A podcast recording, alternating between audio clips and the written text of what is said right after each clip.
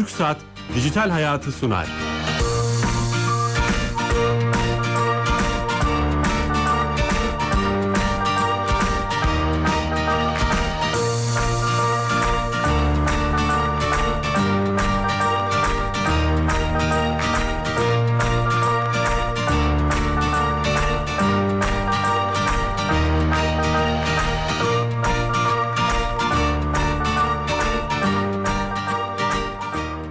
Cevabı edeceğiz yani.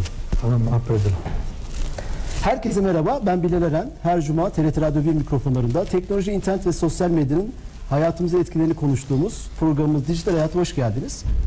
Türkiye'nin e-devlet sistemini sunan TürkSat'ın desteklediği programımız 120 haftadır devam ediyor. Bugün e, çifte heyecan yaşıyoruz. Çünkü birinci, birincisi İstanbul'da kendi stüdyolarımızda değiliz, Ankara'dayız.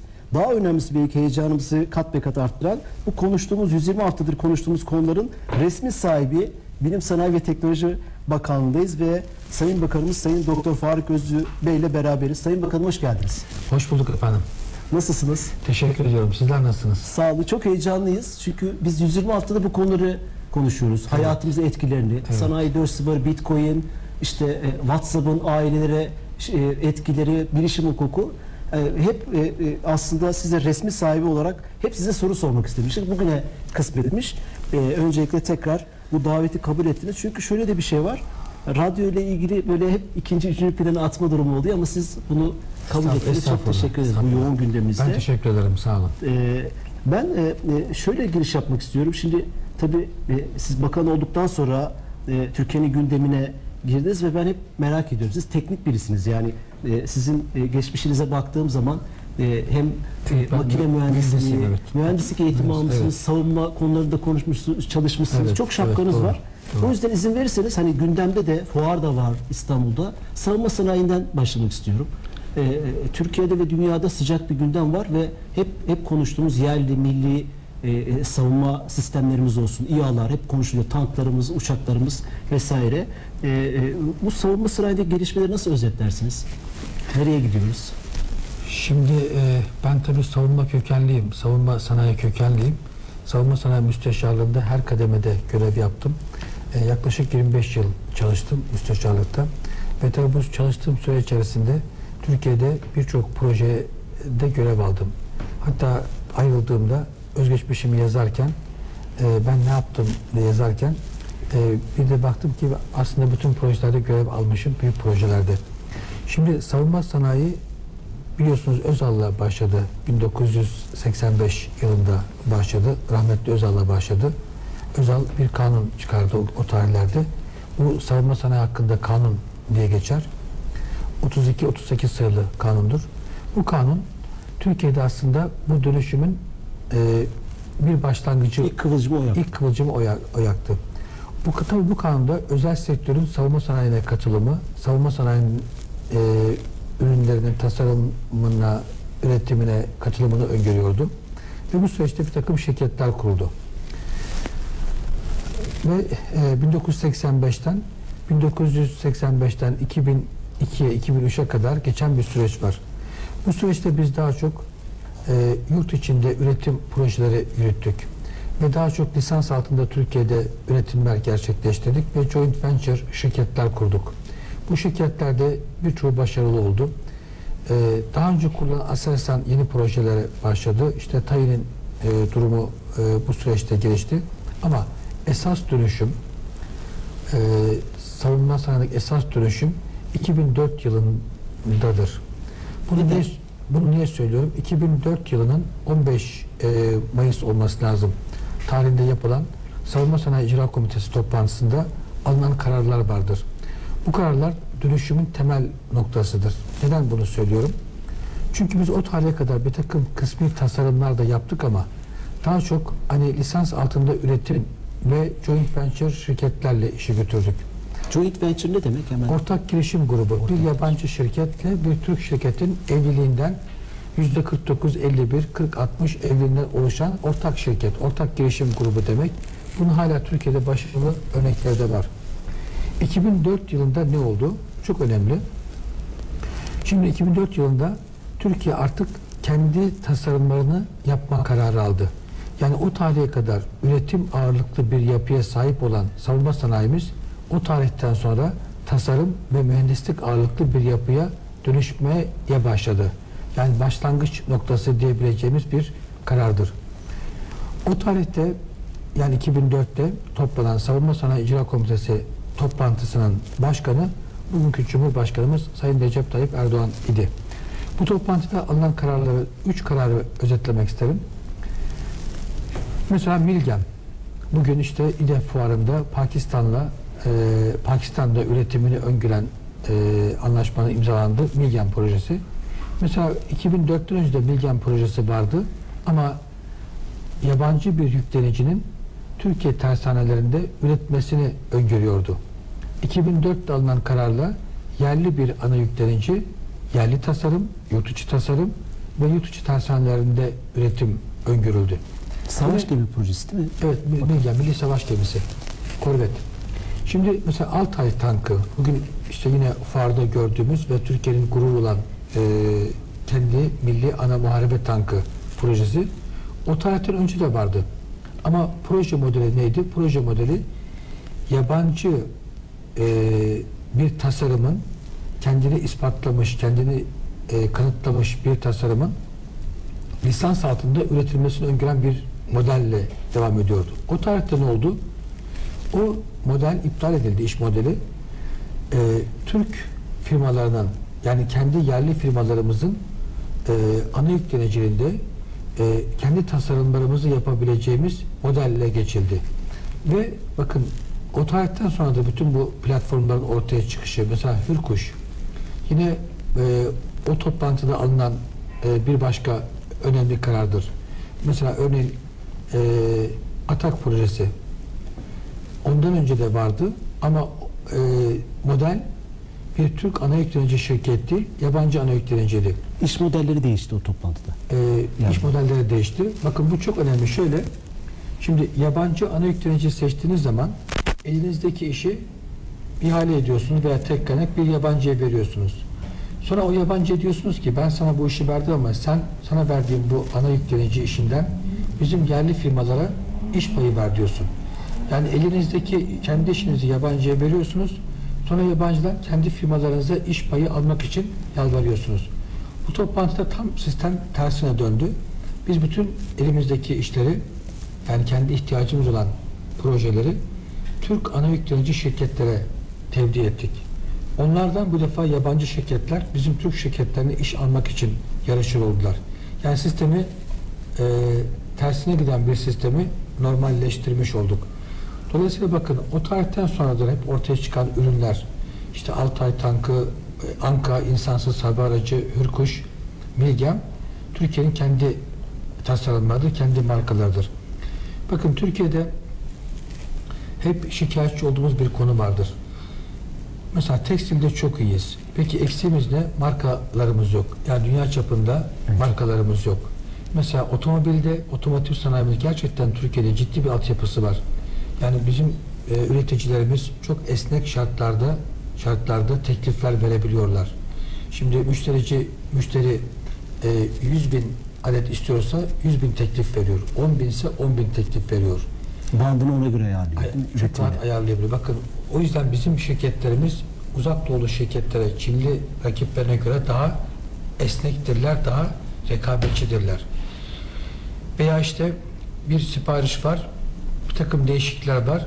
O değişikliklere çok rahat adapte olabilen bir yapıya sahip. Bunu niye söylüyorum? Mesela otomotiv sanayimizde çok ciddi bir ciro da elde ediyoruz. 23 milyar dolardan bahsediyoruz ama kendi markamız yok. Yani kendi tasarımlarımız, kendi markamız yok. Dolayısıyla bakın savunma sanayindeki modeli bundan sonraki süreçte sivil sektöre uygulamamız gerekiyor. Türkiye'nin kendi markaları. Bakın hep katma değeri yüksek ürünlerden bahsediyoruz. Kendi markası olan e, şirketler kendi markası olmayan şirketlere göre iki kat daha fazla kar ediyorlar. Kendi markası olmayan üretici şirketlerin karlılık oranı yüzde onsa kendi markası olan şirketlerin karlılık oranı yüzde yirmi oluyor. Dolayısıyla savunma sanayi sektöründe geçen dönemde gerçekleştirdiğimiz en önemli düzenleme, değişiklik veya e, çalışma Türkiye'nin artık kendi markalarının e, oluşmuş olmasıdır. Türkiye'nin üretim ağırlıklı bir savunma sanayi yapısından tasarım ve mühendislik ağırlıklı bir savunma sanayi yapısına geçmiş olmasıdır.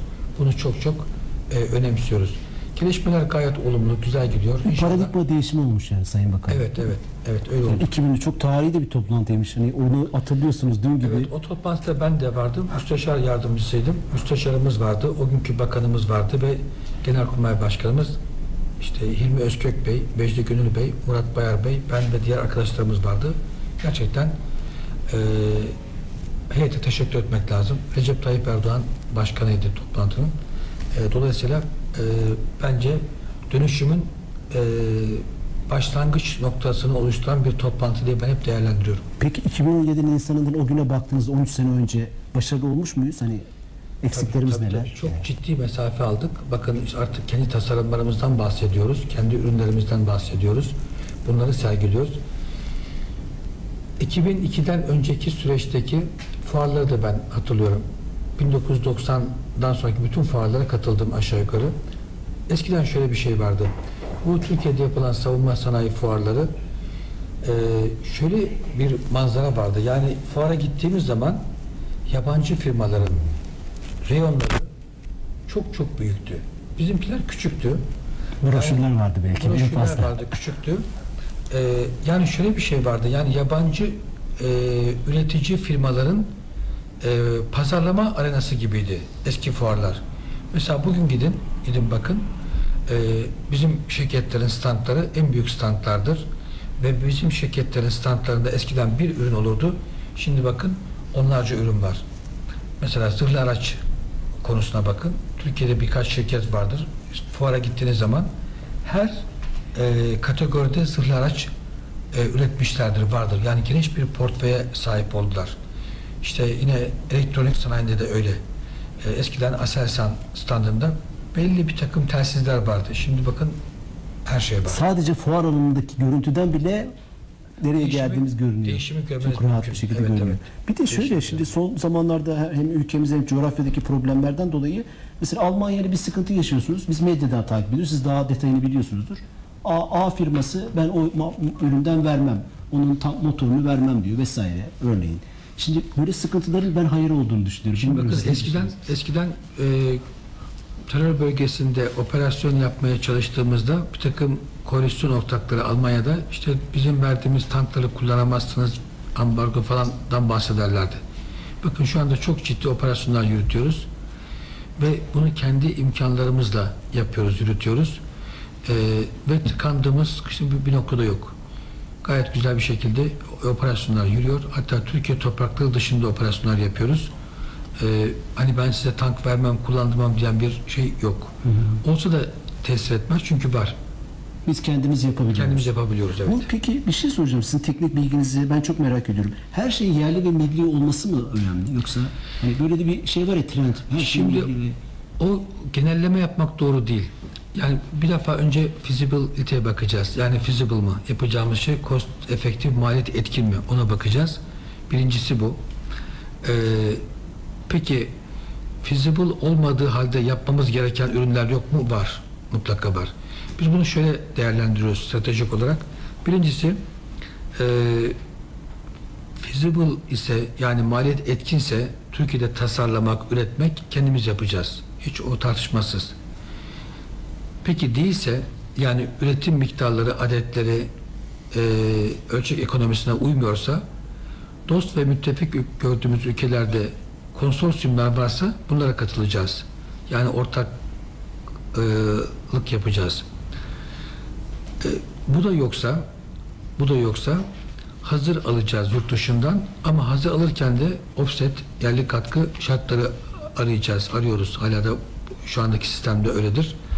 Ee, bizim için hazır alım en son seçenektir. Ama mutlaka maliyet etkinliğe bakmamız e, gerekiyor. Ee, bakın dünyada şunu söyleyeyim. Dünyada her şeyi yerli yapan, her şeyi kendisi yapan savunma sektöründe e, Öyle bir ülke var mı onu soracaktım. hala iki ülkenin var olduğu söylenebilir. Bakın hala birisi Amerika, öbürü Rusya. Bunlar tabii soğuk savaş döneminden kalan birikimlere sahipler. Artı bunların e, ölçek ekonomileri çok farklı. Amerika dediğimiz yer neredeyse Türkiye'nin gayri safi milli hastası kadar savunma bütçesi olan devletler topluluğu. Amerika Birleşik Devletleri. Keza Rusya bir federasyon. Ama bunun iki ülkenin bu iki ülkenin bile bazı konularda dışarıdan maliyet etkinliği sağlamak maksadıyla ürünler aldıklarını biliyoruz.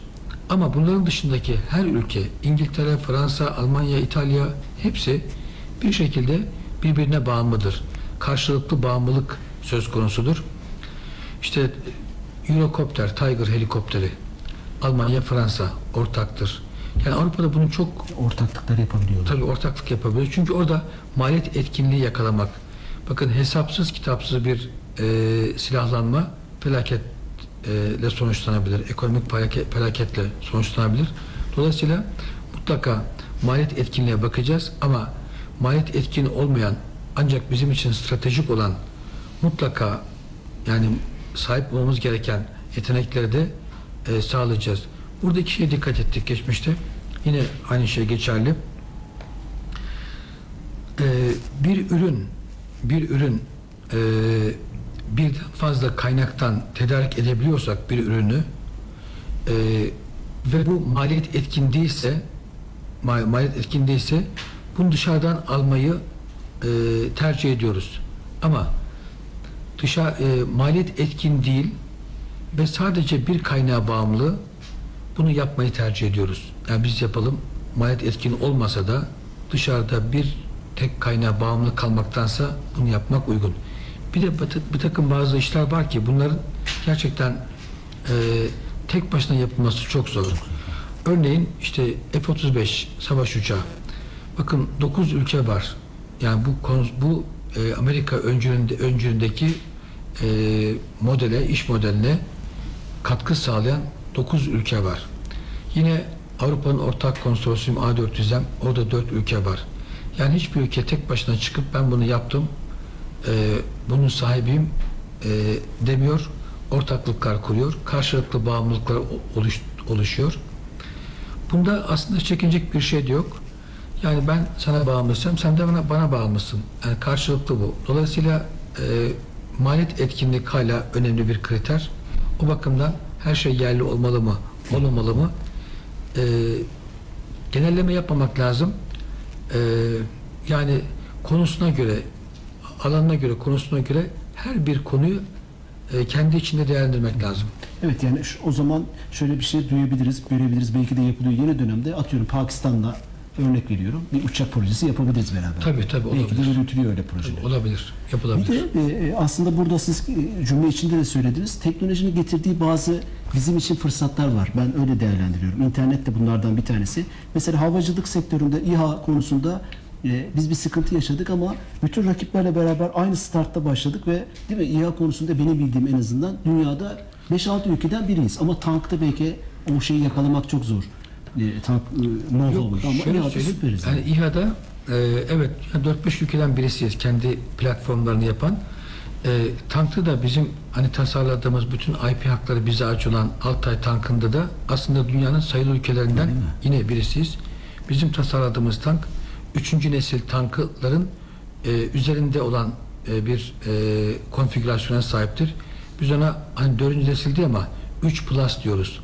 Yani 3. neslin üzerinde bir e, teknik konfigürasyona sahip gayet başarılı bir tasarım oldu. Ee, inşallah yakında seri üretime başlanır, envantere girer. İnşallah.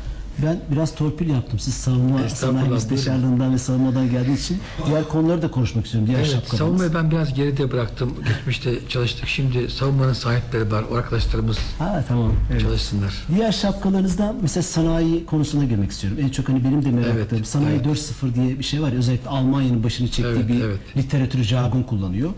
Ve bir de Amerika'da bilgi ekonomisi. Yani ben Amerika'da sanayi 4.0 diye bir şey görmüyorum açıkçası. Onlar şey diyorlar, ileri imalat yöntemleri, advanced manufacturing gibi deyim, Evet, şimdi biz, biz hangisinin peşinden gideceğiz? Veya peşinden gitmek kötü bir tabir belki ama hangisini Hiçbirinin peşinden gitmeyeceğiz. Türkiye kendi sanayi devrimini gerçekleştirecek. Biz 4.0'ı kullanmak istemiyoruz. Yani Endüstri 4.0 e, kullanmak istemiyoruz. Mesela Japonlar süper toplum 5.0 diyorlar. E, Super Society 5.0 diyorlar. E, onlar toplumsal teknolojinin toplumsal dönüşüme e, de etkisi olduğunu, katkısı olduğunu, toplumu dönüştürdüğünü düşünüp biraz da ben onlarınkini insani buldum. Şimdi Bizim modelimiz olacak yani yani kendimize ait. niye 5-0 veya niye 4-0, 5-0? Şöyle onlar toplumdaki dönüşümü, teknolojinin toplumları dönüştürdüğünü e, düşünüp 5-0 diyorlar. Şöyle işte ilk toplum avcı toplumuydu. İkinci toplum e, tarım toplumuydu. Tarımla uğraştı.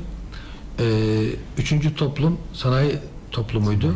Dördüncüsü bilgi toplumuydu. 5-0 şimdi yeni düzen ne olacak? Daha çerçevesi de belli değil. Almanlar bunu 4-0, endüstri 4-0 diyor. Daha çok endüstriyel dönüşümle Sanayinin dijitalleşmesi. e, ilgilendiriyor. İşte birinci sanayi devrimi, ikinci, üçüncü e, derken dö- dördüncü. Aslında dördüncü sanayi devriminin denilen kavramın çerçevesi tam anlamıyla çizilmiş değil. Bir takım kabuller var, varsayımlar var. E, bir takım e, öngörüler var. Geleceğe matuf öngörüler var. Bunlara baktığımızda e, inanın ben zaman zaman örnek veriyorum. Bunlar aslında bilim kurgu değil. Gerçekten dünya e, dördüncü sanayi devrimi dediğimiz e, sürecin başlangıcında. Çok kuvvetli bir dijitalleşme e, şeyi var, trendi var, temayülü var. E, Türkiye bunun neresinde? Biz tabii birinci sanayi devrimini 100 yıl, ikinci sanayi devrimini yine 100 yıl geriden takip ettik. Üçüncü sanayi devrimini 30 yıl geriden takip ettik ama burada aşağı yukarı 3-4 yıl bir fark var. En ileri olan ülkeyle aramızdaki fark bu şekilde. Ee, bakanlık olarak da bunun çok farkındayız ve sanayicimizin temsilcileriyle işte TOP, TÜSİAD, MÜSİAD, YASET ve işte e, TİM gibi bir platform oluşturduk. Ee, Kamuoyunu takip ediyoruz. Evet. Türkiye'nin kendi sanayi devrimi e, adı altında dijital dönüşüm e, platformu diyenler de var. Burada şu anda bir yol haritası çıkartıyoruz. Yani Türkiye e, nerede, dünya nereye gidiyor, e, altyapımız ne kadar buna, mevcut altyapımız müsait, altyapımızda nasıl bir dönüşüm gerçekleştirelim, bunun yol haritalarını şu anda hazırlıyoruz. Altıdan fazla çalışma grubumuz var. Onun altında diğer e, çalışan gruplar var. İnşallah önümüzdeki günlerde Bir sonuç çıkacak. tabii tabii güzel bir yol haritası çıkaracağız ve bunu da e, uygulayacağız. Şunu görüyorum ben çünkü mesela Amerika Facebook'ta bir oyun yapıyor, WhatsApp yapıyor, Apple yapıyor. Çok büyük paralar. Ama işte Almanya sanayi diyor. Hani biz hangisini seçeceğiz? Siz ikisini de seçmiyoruz. Biz kendi el modelimizi Evet, yapacağız. Türkiye kendi sanayi devrimini gerçekleştirecek. Çünkü bakın her ülkenin şartları farklı. Mesela Amerika daha çok e, yani yazılım gibi, bilgi teknolojileri gibi Oraya gidiyor. evet. e, alanlarda daha ileri. Mesela imalat sanayinde, imalat teknolojilerinde Almanlar daha öndeler. Her ülkenin şartları farklı. Bizim de kendi şartlarımız e, var, farklı. Kendi e, şartlarımızı değerlendireceğiz bu yol haritasında. Diğer taraftan dünya nereye gidiyor, dünyayı inceleyeceğiz. Kendimize bir harita, bir yol çizeceğiz. Tamam merakla bekliyoruz o şeyi. İnşallah. Biz çok ben de kişisel olarak takip etmeye çalışıyorum. Aslında tam da buradan şuraya geleceğim. Mesela ben özellikle girişimcilere, gençlere, yeni yeni e, şirket kuranlara, KOBİ'lere acayip destekler veriyorsunuz. Hatta medyada birkaç defa hem bakanlıktan hem bu e, kamudan destek verecek kişi bulamıyoruz gibi şeyler de duymuştum. Program program yaptığım konuklarla. E, müthiş bir şey var aslında. Teknoparklar kuruyorsunuz, altyapı üst yapı yatırımına para veriyorsunuz. E, e, bu destekler karşılığında neler geliyor? Hani Şimdi e, biz teknoloji üreten bir Türkiye istiyoruz, hayal ediyoruz. Teknoloji transfer eden değil, teknoloji üreten. Yani bilgi üreten, know-how üreten ve bunları e, ürüne dönüştüren bir Türkiye e, hayal ediyoruz. Ben şöyle bir benzetme yapıyorum, bunu da önemsiyorum. E, yani bilimden teknolojiye, teknolojiden sanayiye mutlaka bir bağ kurmamız gerekir. Ve bilim, teknoloji ve sanayi politikalarını müşterek planlamamız gerekir diye inanıyorum, düşünüyorum. Bunu da e, bunu iddia ediyorum. Şimdi şöyle bir örnek düşünün. Bir ağaç düşünün, bir tarla, bir ağaç düşünün. Bakın meyve veren bir ağaç düşünün. Bazı ağaçlar vardır işte 3 kilogram 5 kilogram elma verir. Bazı ağaçlar vardır 100 kilogram elma verir. Bunu niye söylüyorum? Tarlayı, ağacın dikili olduğu tarlayı bilim gibi düşünün. Yani beslendiği e, bilim olarak düşünün. Ağacın kendisini teknoloji olarak düşünün. Yani e, işte az önce bahsettiğim 5 kilo veren elma ağacı da var, 50 kilogram veren elma ağacı da var. Teknoloji yani ağacın cinsi önemli. Ve verdiği meyveyi de sanayi olarak düşünün. Yani elma, armut neyse meyve bunu sanayi olarak düşünün. Bakın bunu niye söylüyorum? Ee, ekonomik ve sosyal fayda sağlamayan yani topluma ekonomik ve sosyal fayda sağlamayan hiçbir bilimsel çalışmanın hiçbir e, teknolojik çalışmanın e, bizim için kıymeti yok, anlamı yok. Mutlaka bir ekonomik ve sosyal fayda sağlamasını arzu ediyoruz. Bunu da sağlamanın yolu bilgiden bilgi üreten bir Türkiye, ürettiği bilginin teknolojiye girdi sağlayan e, bir yani birisinin çıktısı öbürünün girdisi, Girdisi olacak. olması lazım. Mezuniyet esası gibi düşünün. E, teknolojinin de sanayiye girdi sağlaması lazım. Biz e, düşündüğümüz modelle arzu ettiğimiz modelle sanayimize teknoloji enjekte etmek istiyoruz. Bu teknolojiyi nereden bulacağız? Nasıl bunu elde edeceğiz? Bunun iki tane yolu var. Bir tanesi bilgi üretmektir. Bunun yolu üniversiteler, bilim adamlarıdır. Bilgi üreten bir e, yapı. E, yani kendimiz bunu üretme, üreteceğiz. İkincisi transfer edeceğiz. Transfer ya. Şimdi bakın teknoloji transferi terimi Türkiye'de çok kullanılan bir terim. Çok. Karşı olduğumu söyleyemem ama bundan daha önemli kavramlar var. Artık teknoloji transferi gerilerde kaldı. 1970'lerde 60'larda kaldı. Yani bence Türkiye'nin bunu aşması lazım. Artık teknoloji transfer eden değil, teknoloji üreten bir Türkiye kurmamız gerekiyor. Mesela transfer eden ne demek? Bir veren var, bir de alan var. Şimdi alıcı olduğunuz zaman, transfer eden taraf olduğunuz zaman her zaman bir adım geriden takip edersiniz. Hiçbir zaman yabancılar leading edge derler. Uç nokta en köşede. Hiçbir zaman öncü olamazsınız. Dolayısıyla transfer eden e, değil, teknoloji üreten ülkeler sınıfında olacağız. Bir atasözü vardır her zaman e, tekrarlıyorum. E, veren el alan elden üstündür diye. Teknoloji transfer eden alan alan eldir. Tabii ki veren el her zaman alan elden e, üstündür. Dolayısıyla bizim arzumuz bilgi üreten, ürettiği bilgiyi know-how'a dönüştüren, teknolojiye dönüştüren ve buradan da ürün çıkarıp ekonomiye fayda sağlayan e, bir stratejik modeldir. Bunların birini yapmazsanız, yani birisi eksikse, bilim ayağı eksik, toprak. Olmaz, ağaç kurur. Yani veya teknoloji ayağı eksik. İşte 3 kilo elma alırsınız. 50 kilo elma, elma almak varken bir ağaçtan 3-5 kilo elma alırsınız. Peki sanayi tarafı yoksa sadece bilim ve teknoloji Hiçbir yani yaramaz. hiçbir işe yaramaz. Yani meyve vermeyen ağaç düşünün. Yani biz meyve veren ağaçlar istiyoruz. O yüzden bilim, teknoloji ve sanayi politikalarını Türkiye'nin müştereken e, belirlemesi tespiti gerekir. İkincisi söylemek istediğim sanayicimizin teknoloji üretmekten para kazanması lazım. Bakın yani e, yani yediği yemekten tad alması lazım. Evet. Yani Keyifli olması lazım. Keyifli olması lazım. Yani teknoloji üreten sanayicimiz e, bundan para kazanmıyorsa, bundan tat almıyorsa e, inanın bir daha o işi yapmaz. Teknolojiden bir defa kazandığı parayı inşaata, emlaka, arsaya, Daha hızlı döndürebileceği şeyler. yapmak. araziye yatırır. Dolayısıyla biz sanayicimizin teknoloji üreten e, kurumların e, bundan para kazanmasını, kar etmesini çok çok arzu ediyoruz. Bu sebeple bilim, teknoloji ve sanayi birbirine geçmiş üç halka gibi.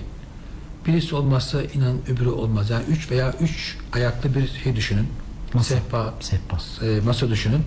Bir ayak olmazsa olmaz. Olmaz. Üçünün mutlaka beraber olması ve üçünde e, üçüyle ilgili politikaların beraber belirlenmesi lazım. Bilim bir tarafa gidiyor, teknoloji başka tarafa, sanayi başka tarafa. E, böyle bir şey olmaz. Yani buradan bir sonuç çıkmaz. Çok güzel örnekle açıkladınız ama en benim beğen- e, hoşuma giden şey de para da kazanması lazım dediniz. Kesin para kazanması lazım. Bakın para, bakın motivasyondur bu. Yani şimdi ya, ya bir manevi onur, bir title, bir şey olacak ki motive olması için veya para kazanacak. Ya bu ikisinden birini vermezseniz yani olmaz, yürümez. Bu hani cazibesi kalmaz. Doğru ama parayı da siz devlet olarak siz vermeyeceksiniz. Kendisi üretecek ve kendisi Tabii, tabii. satacak, pazar açacak. Yani vesaire. parayı sanayiciden kazanacak. Sanayici de yani ürün sunup e, tüketicinin beğenisini kazanacak. Eyvallah. Yeni açan dinleyicilerimiz için tekrar etmekte fayda var. Bilim Sanayi ve Teknoloji Bakanımız Doktor Faruk Özlü Bakanımızla beraberiz.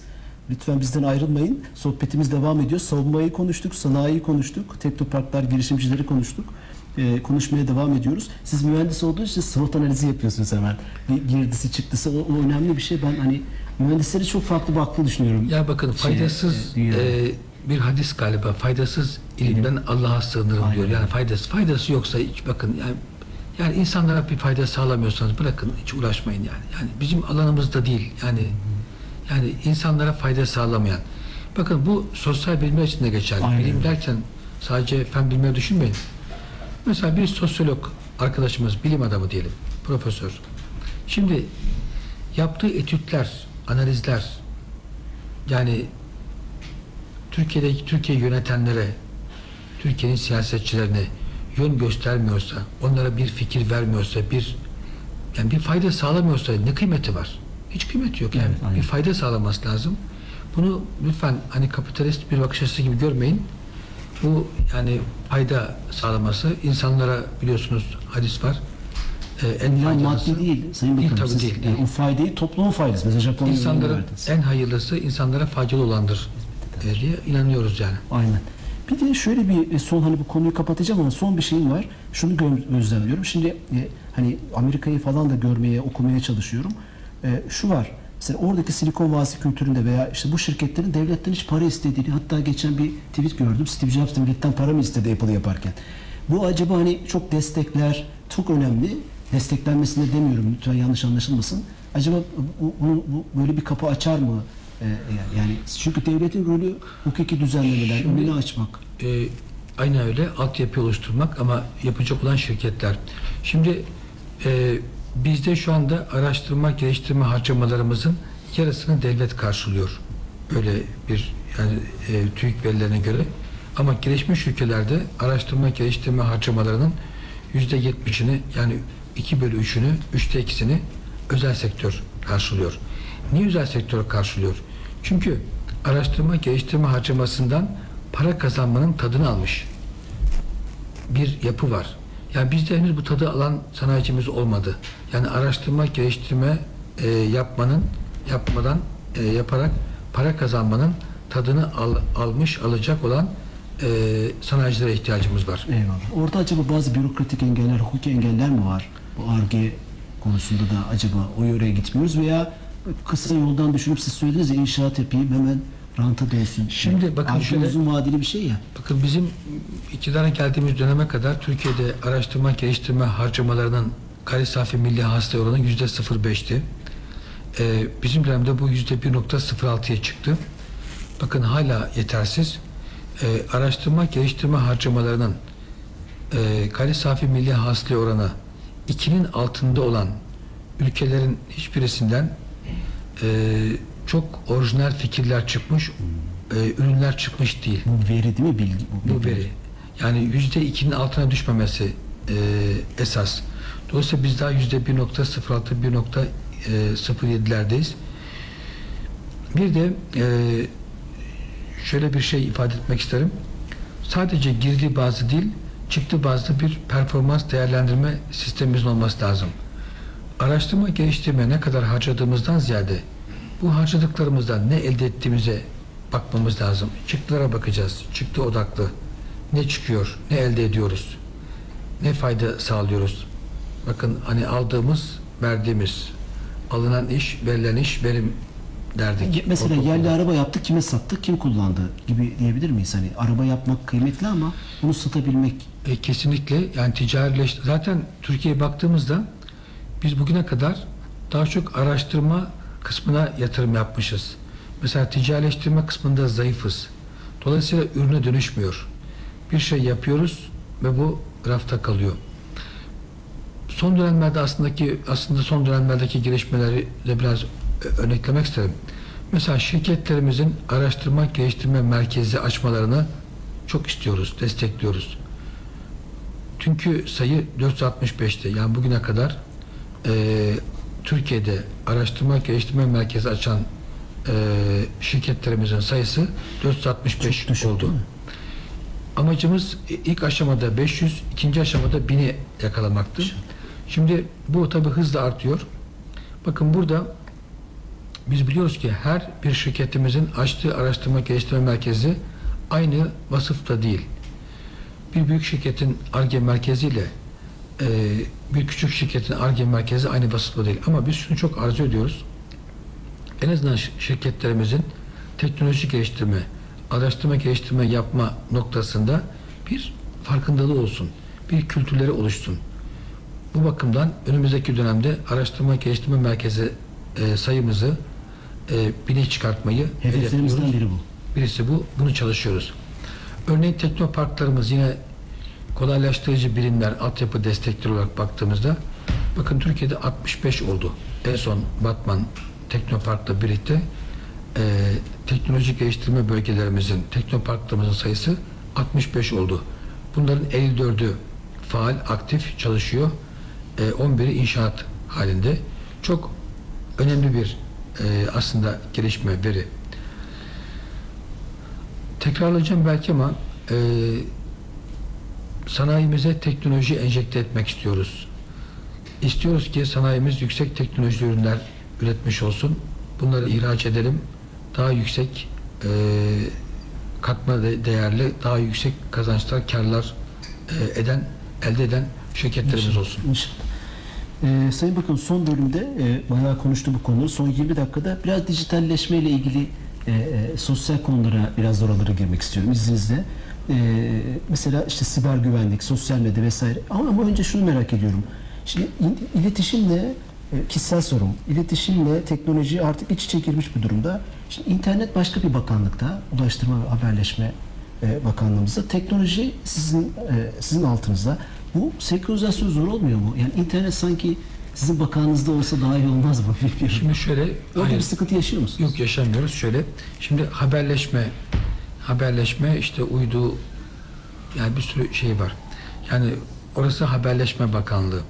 Daha çok hizmet sunumu yani kullanıcıya hizmet sunumu Ee, bu sunulacak hizmetlerin tedarik edilmesi ve e, vatandaşa vatandaşlarımıza hizmet sunulması hizmet sunucu bakanlığımız yani ulaştırma haberleşme bakanlığımız Bizimki bilimsel çalışmaları koordine eden, yürüten. Yani hizmet sunmak değil bizim amacımız. Bizim amacımız teknoloji geliştirme e, noktasında ve teknoloji geliştirme, teknoloji üretme e, konumunda olan bir bakanlıkız. Ulaştırma Bakanlığı kullanıcıya hizmet sunma. Yani Çakışmalar olmuyor yani. Arada Böyle yok, yok, sahalarla. olmaz, hayır, olmuyor. Sıkı- Arada- o, o sahalar belirlenmiş durumda. Evet, evet. Mesela şimdi şöyle savunma sanayinde siber saldırıları e, e, düşünmeden mutlaka çalışmalarınız da vardır bu konuda. Evet. E, ama bu interneti de ilgilendiren bir şey siber saldırı. E, buradaki koordinasyon nasıl sağlanır? Yani siber saldırı dediğimiz şey aslında sadece önceki görevimde sanki savunma ile ilgili bir alan diye düşünürdüm. Değil. Değil yani sadece savunma bakanlığını, sadece silahlı kuvvetleri ilgilendiren bir konu değil. Biliyorsunuz bankacılık sistemi var. Ticari bankacılık. Bir siber saldırı bu sistemi çökertebiliyor. Ya da bir takım hesaplardaki meblağlar bir başka hesaplara aktarılabiliyor. Dolayısıyla siber dünya dediğimiz ve bizim de içinde bulunduğumuz, kullandığımız dünya çok geniş. Yani sivil, askeri her boyutu var. Sokağa beni, sokağa beni bireysel olarak beni de etkiliyor. Herkesi Tabii, etkiliyor. tabii herkes etkiliyor. Dolayısıyla e, haberleşmeden sorumlu bakanlığımızın bu işleri e, koordine etmesi çok Yanlış değil doğru. Bizim görevimiz biz teknoloji üretme. Yani bakın şimdi burada bir mikrofon var. Bu mikrofonu kullanıyoruz. Şimdi bunun kullanılmasını koordine eden, otorite olan, e, yöneten yapı ile bunu üreten firmanın e, konumu farklı. Anladım. Ya da bunu tasarlayan, tasarımını yapan, teknolojisini geliştiren e, yapıların konumu farklı. Biz şu anda kullanıcıyız. Bu kullanıcının kullanımın esaslarının belirlenmesi, kullanımın sağlanması ve bunun korunması, saldırılardan korunması bir bakanlığın görevi ya da iştigal alan diyelim. Ama bunun teknolojisi, üretimi, pazara sunulması bir başka şey.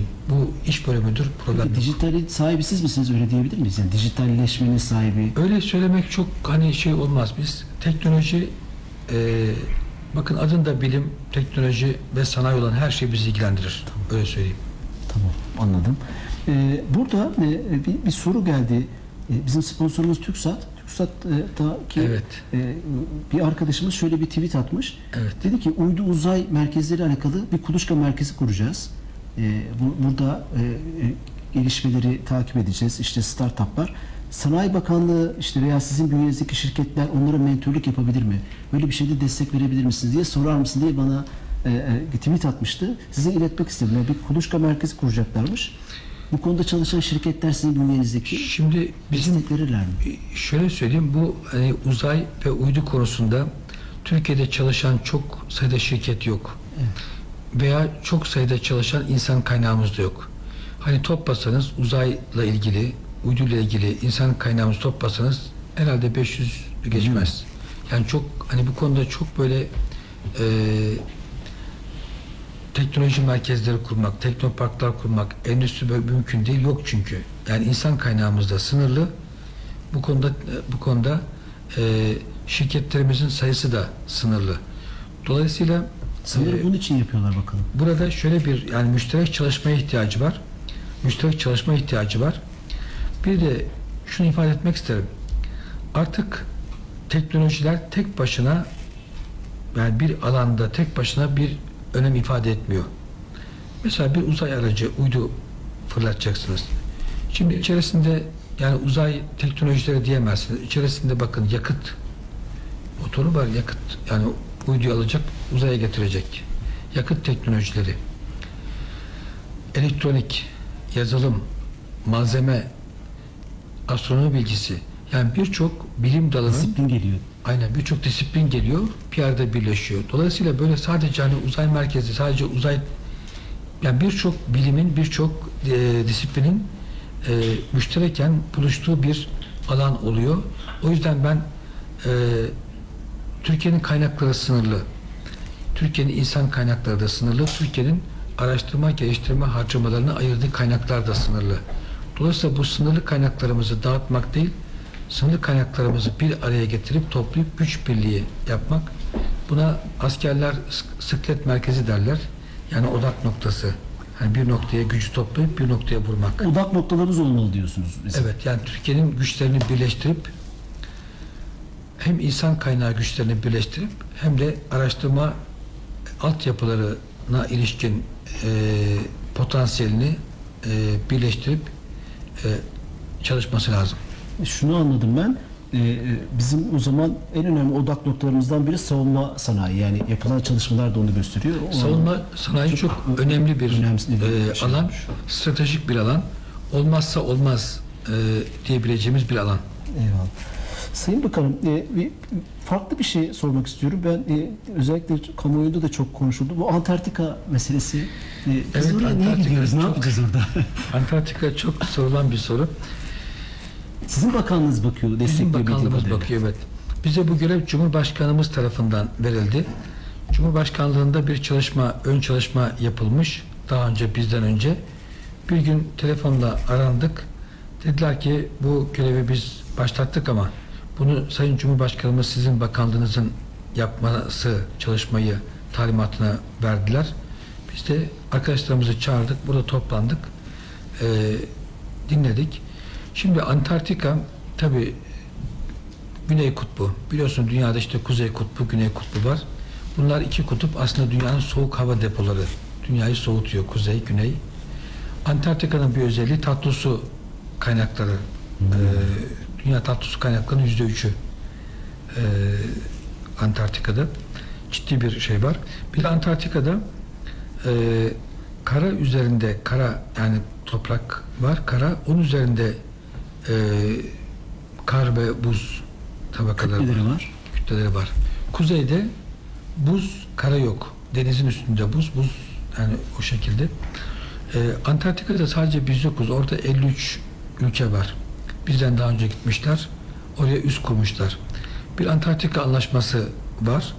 Antarktika'yı sadece bilimsel amaçlarla e, kullanacağız diye ülkeler toplanmışlar, bir karar almışlar. Bize bu görev verilince biz bu Antarktika anlaşmasına taraf olmuş ülkelerden birisi olarak bu anlaşmayı meclisten geçirdik. Anlaşma anlaşmaya Türkiye taraf oldu. Yani Antarktika'yı bilimsel faaliyetler dışında bir maksatla kullanmamayı taahhüt ediyoruz. Ve bu 53 ülkeden 29'u katılımcı ülke, şey danışman ülke, diğerleri danışman olmayan statüde. Biz şimdi danışman ülke statüsüne geçiyoruz. Bunun birkaç şartı var. Bunlardan bir tanesi Antarktika ile ilgili bilimsel bir çalışma programının olması. Şu anda arkadaşlar İstanbul Teknik Üniversitesi den yoğunluklu bir grup. Orada Başka sanırım. üniversitelerden de var. E, işte mesela Çorum İTİT'ten var, Karadeniz Teknik'ten var.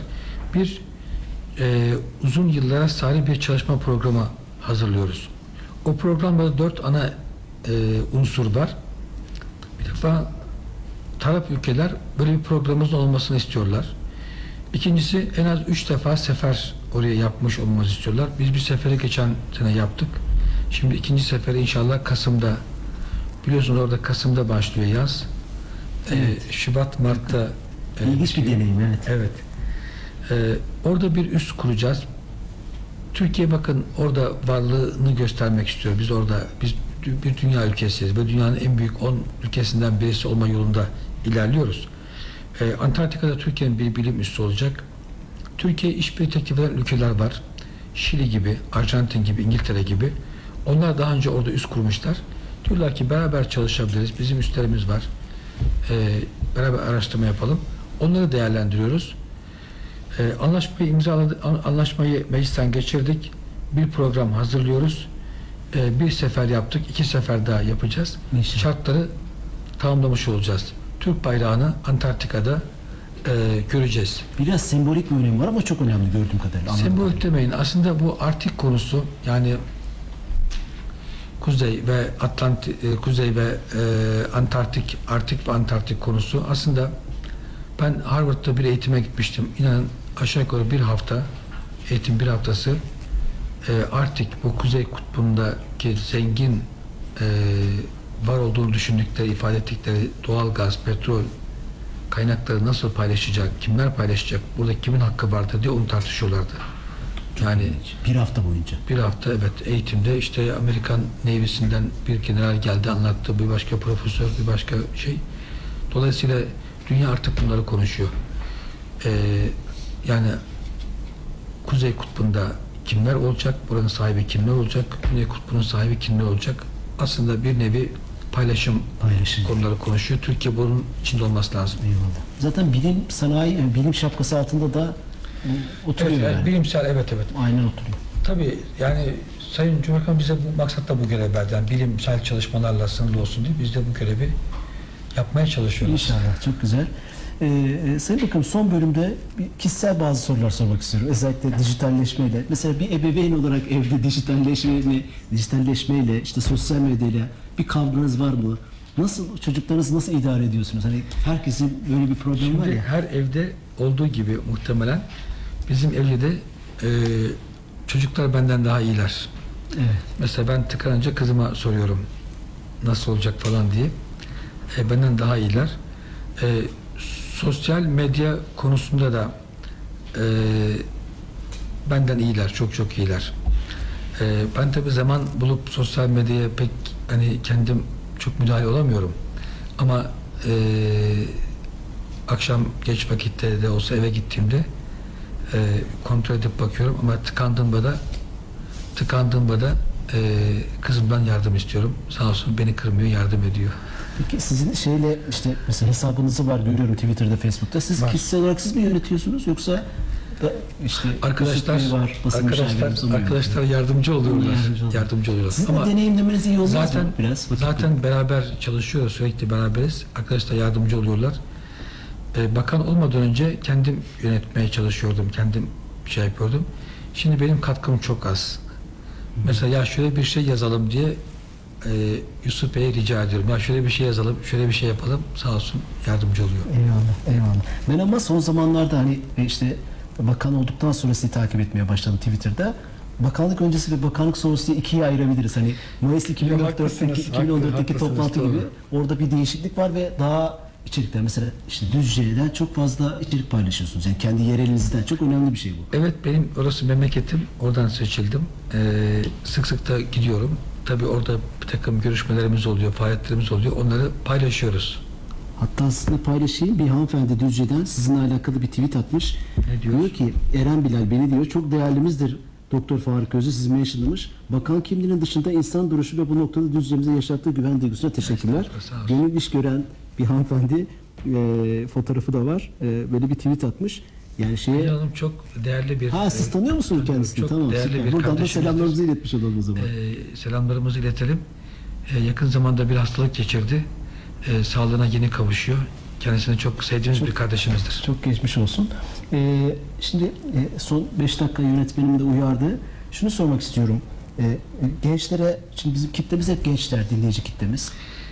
Evet. Yazılımla alakalı, kod yazma ile ilgili veya daha genel çerçevede, daha büyük şemsiyede ne yapmaları lazım? Ne, ne öneriyorsunuz? Hani siz çok çünkü acayip tecrübelisiniz. Yani yurt dışında okudunuz, e, devlette, kamuda, özelde, üniversitede oldunuz. Ee, ya gençler bence bu teknoloji kullanmaya çok aşinalar, çok şeyler yani gerçekten yetkinler ve e, aşinalar. Bizden daha yetkin, yani yetkinler diye söyleyeyim. Ee, ben hani politik anlamda Türkiye'nin hani teknoloji kullanan değil de teknoloji üreten bir ülke olmasını istiyor. Biz şu anda aslında teknoloji tüketiyoruz. Tüketiyoruz. Ee, teknoloji tüketen bir toplumdan teknoloji üreten bir topluma e, dönüşmeyi çok arzu ediyoruz. Bununla ilgili bakanlığımızda bakanlığımız teşkilatında bir yapısal düzenleme gerçekleştirdik. Yani bu mesela eğitim bizim ana konumuz değil ama biz eğitimle ilgili bir daire kurduk. Yani bilim, teknoloji ve sanayi eğitimi. Bu konuda hem Milli Eğitim Bakanlığımıza hem de e, Yüksek Öğretim Kurulu Başkanlığımıza girdi yapmak istiyoruz. Yani eğitim şöyle şöyle yapalım olsun bu şekilde Çok düzeltelim. iyi olur Sayın Bakanım. Evet onu yapıyoruz. Ee, ben doğrusu göreve geldiğimde yok başkanımızı ziyaret etmiştim. Ee, kendisine beraber çalışalım, işbirliği yapalım. Çünkü e, yani Türkiye'nin bilim Sanayi ve Teknoloji Bakanlığı ise bizim yani bilim tarafımızın olması lazım diye sağ olsun buraya davet ettik, briefing verdik kendisine. E, bugün de çok güzel ilişkilerimiz var. Mesela en son hazırladığımız üretim reform paketi 77 madde ikisini çıkarırsak yürürlük ve e, tarih hangi tarihte yürürlüğe gireceği yürütme ve yürürlük maddesini çıkarırsak 75 madde inanın bunun 10 maddesi eğitimle ilgili. Yani orta öğretimle ilgili, yüksek öğretimle ilgili. Dolayısıyla e, bakın 4. sanayi devriminden bahsettik. Evet. Dijitalleşen bir dünya var. Burada eğitimli bir e, insan kitlesi olmazsa bunu başaramayız. Evet, aynen bunu beceremeyiz. Dolayısıyla biz bakanlık olarak eğitime girdi yapmak, katkı sağlamak istiyoruz. Geçenlerde belki hatırlayacaksınız 300 OSB'de 300 teknik kolej Evet kuralım diye düşünüyoruz. Çünkü bakın bunun birkaç iyi örneği var. Türkiye'de bunu yapanlar var. İyi örnekleri var. Çok tabii birkaç yerde var. Bakın çocuklar İngilizce öğreniyorlar ilk bir yıl. Sonra dört yıl kolej vasıflarında eğitim görüyorlar. Yani hem uygulamalı hem teorik iyi bir eğitim görüyorlar.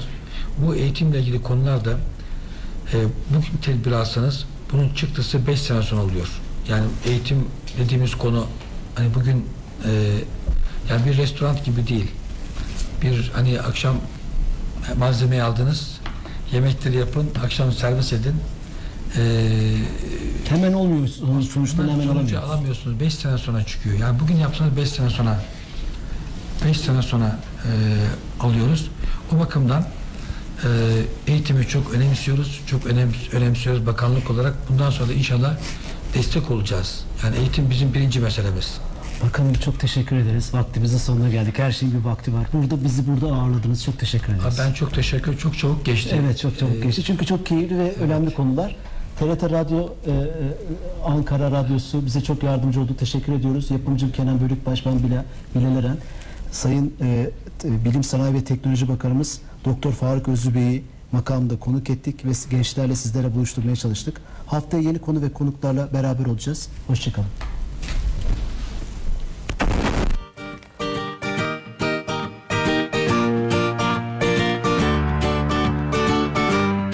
TürkSat Dijital Hayatı sundu.